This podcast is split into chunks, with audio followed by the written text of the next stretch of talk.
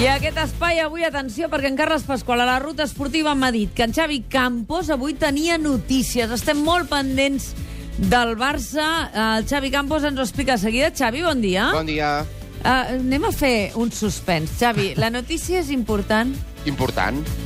La notícia trasbalsarà l'entorn culer? El calmarà. Crec que el calmarà. Algun sector el calmarà, potser d'altre sector sí que es posen una mica neguitosos. Eh, doncs, escolta, fem una cosa. Primer que ens expliqui com comença l'Eurocopa al Carles i així es posa nerviós el personal. Molt bé. Molt bé.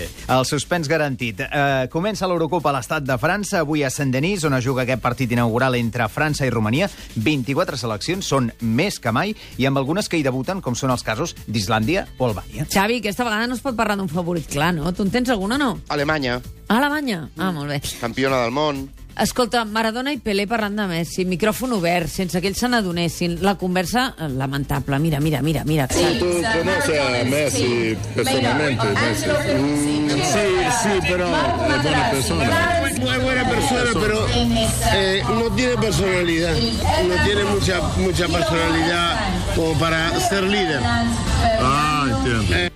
No tiene mucha personalidad para ser líder. Primer, no saben ben bé, no? Perquè Messi no diu massa cosa, però quan li convé la diu. I mana. I mana. La relació Messi-Maradona no s'ha explicat del tot eh, com va acabar després del Mundial 2010, però una mostra que ens pot ajudar a entendre-la és que hi havia imatges de Maradona al Sí. túnel de vestidors del Camp Nou i a Messi no li van acabar de convèncer i les van treure.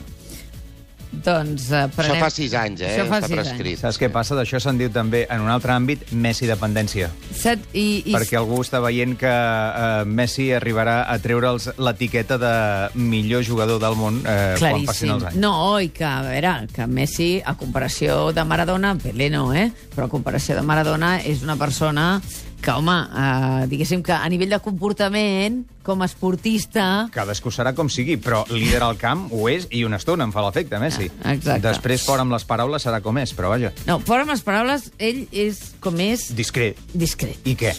T'impressiona? I què t'impressiona? Molt bé, Carles. Escolta'm, uh, Carles, el focus centrat de la competició a l'Eurocopa en la seguretat, eh? Sí, l'amenaça terrorista ha fet que les mesures siguin extremes per a aquesta Eurocopa. 70.000 agents desplegats a França, amb especial atenció a la vigilància dels estadis i de les zones d'animació, la seguretat i també la conflictivitat laboral que avui França planen eh, sobre aquesta competició. Uh, una, un apunt sobre la Copa Amèrica, l'Uruguai eliminat. Doncs sí, eliminat eh, per primera vegada a la fase de grups a les sis últimes edicions de la competició, han perdut en Venezuela per 0 a 1. I ara sí, ara sí que vull saber què coi passarà al Barça. Xavi Campos, què passa? A veure, És explica'm. una notícia que us pot avançar Catalunya Ràdio, Sí. que serà important durant el dia d'avui. Es confirmarà durant el dia d'avui, perquè avui pot començar a resoldre's el famós cas Neymar. El cas Neymar es podria resoldre avui?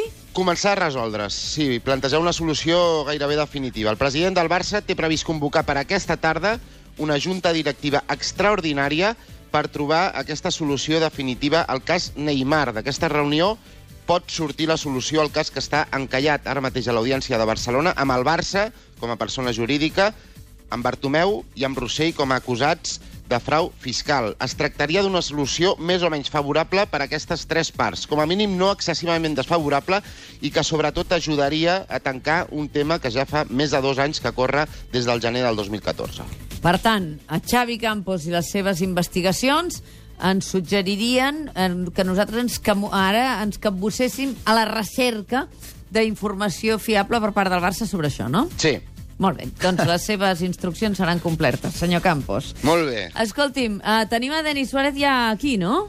Sí, sí, el l'1 de juliol s'ha de confirmar. Hi havia algunes diferències amb, amb, uh, entre el Barça i Denis Suárez a nivell de, del contracte que li han d'oferir. Volia més diners, bàsicament, i ahir van acabar de, de lligar tots els detalls i, en principi, Quan- l'1 de juliol, jugador del Barça. Cinc temporades, Cinc Carles? temporades amb una clàusula de rescisió de 50 milions d'euros. El Barça pagarà al Villarreal 3,2 milions. I el Girona li tocarà remuntar a Montilivi. Doncs sí, li tocarà remuntar perquè hi van perdre el camp del Còrdova per 2 a 1 al partit d'anada d'aquesta primera eliminatòria per l'ascens, però tranquils, que Pablo Manchín, l'entrenador, confia en aquesta remuntada. Será complicado, pero este equipo nos ha dado muchas muestras para que confiemos. Yo confío, sé que la gente de Montilivi también, y vamos a acabar la temporada sin duda que ganando. I finalment heu confirmat tots plegats que Quique Sánchez Flores és el nou entrenador de l'Espanyol, no? Que això ja ho vau avançar i ho heu reconfirmat. Doncs sí, eh, dilluns el presenten, sí. tres temporades. Eh, penso, Xavi, que és una molt bona aposta de la direcció esportiva en un tècnic doncs, que ja té un bagatge important i que ha fet coses importants. Molt interessant. Quique Sánchez Flores és un entrenador amb bagatge, amb eh, un estil i que ha, ha d'ajudar a créixer en aquest nou projecte de l'Espanyol. Fantàstic. Xavi Campos, Carles Pasqual, gràcies. Fins ara. Adéu.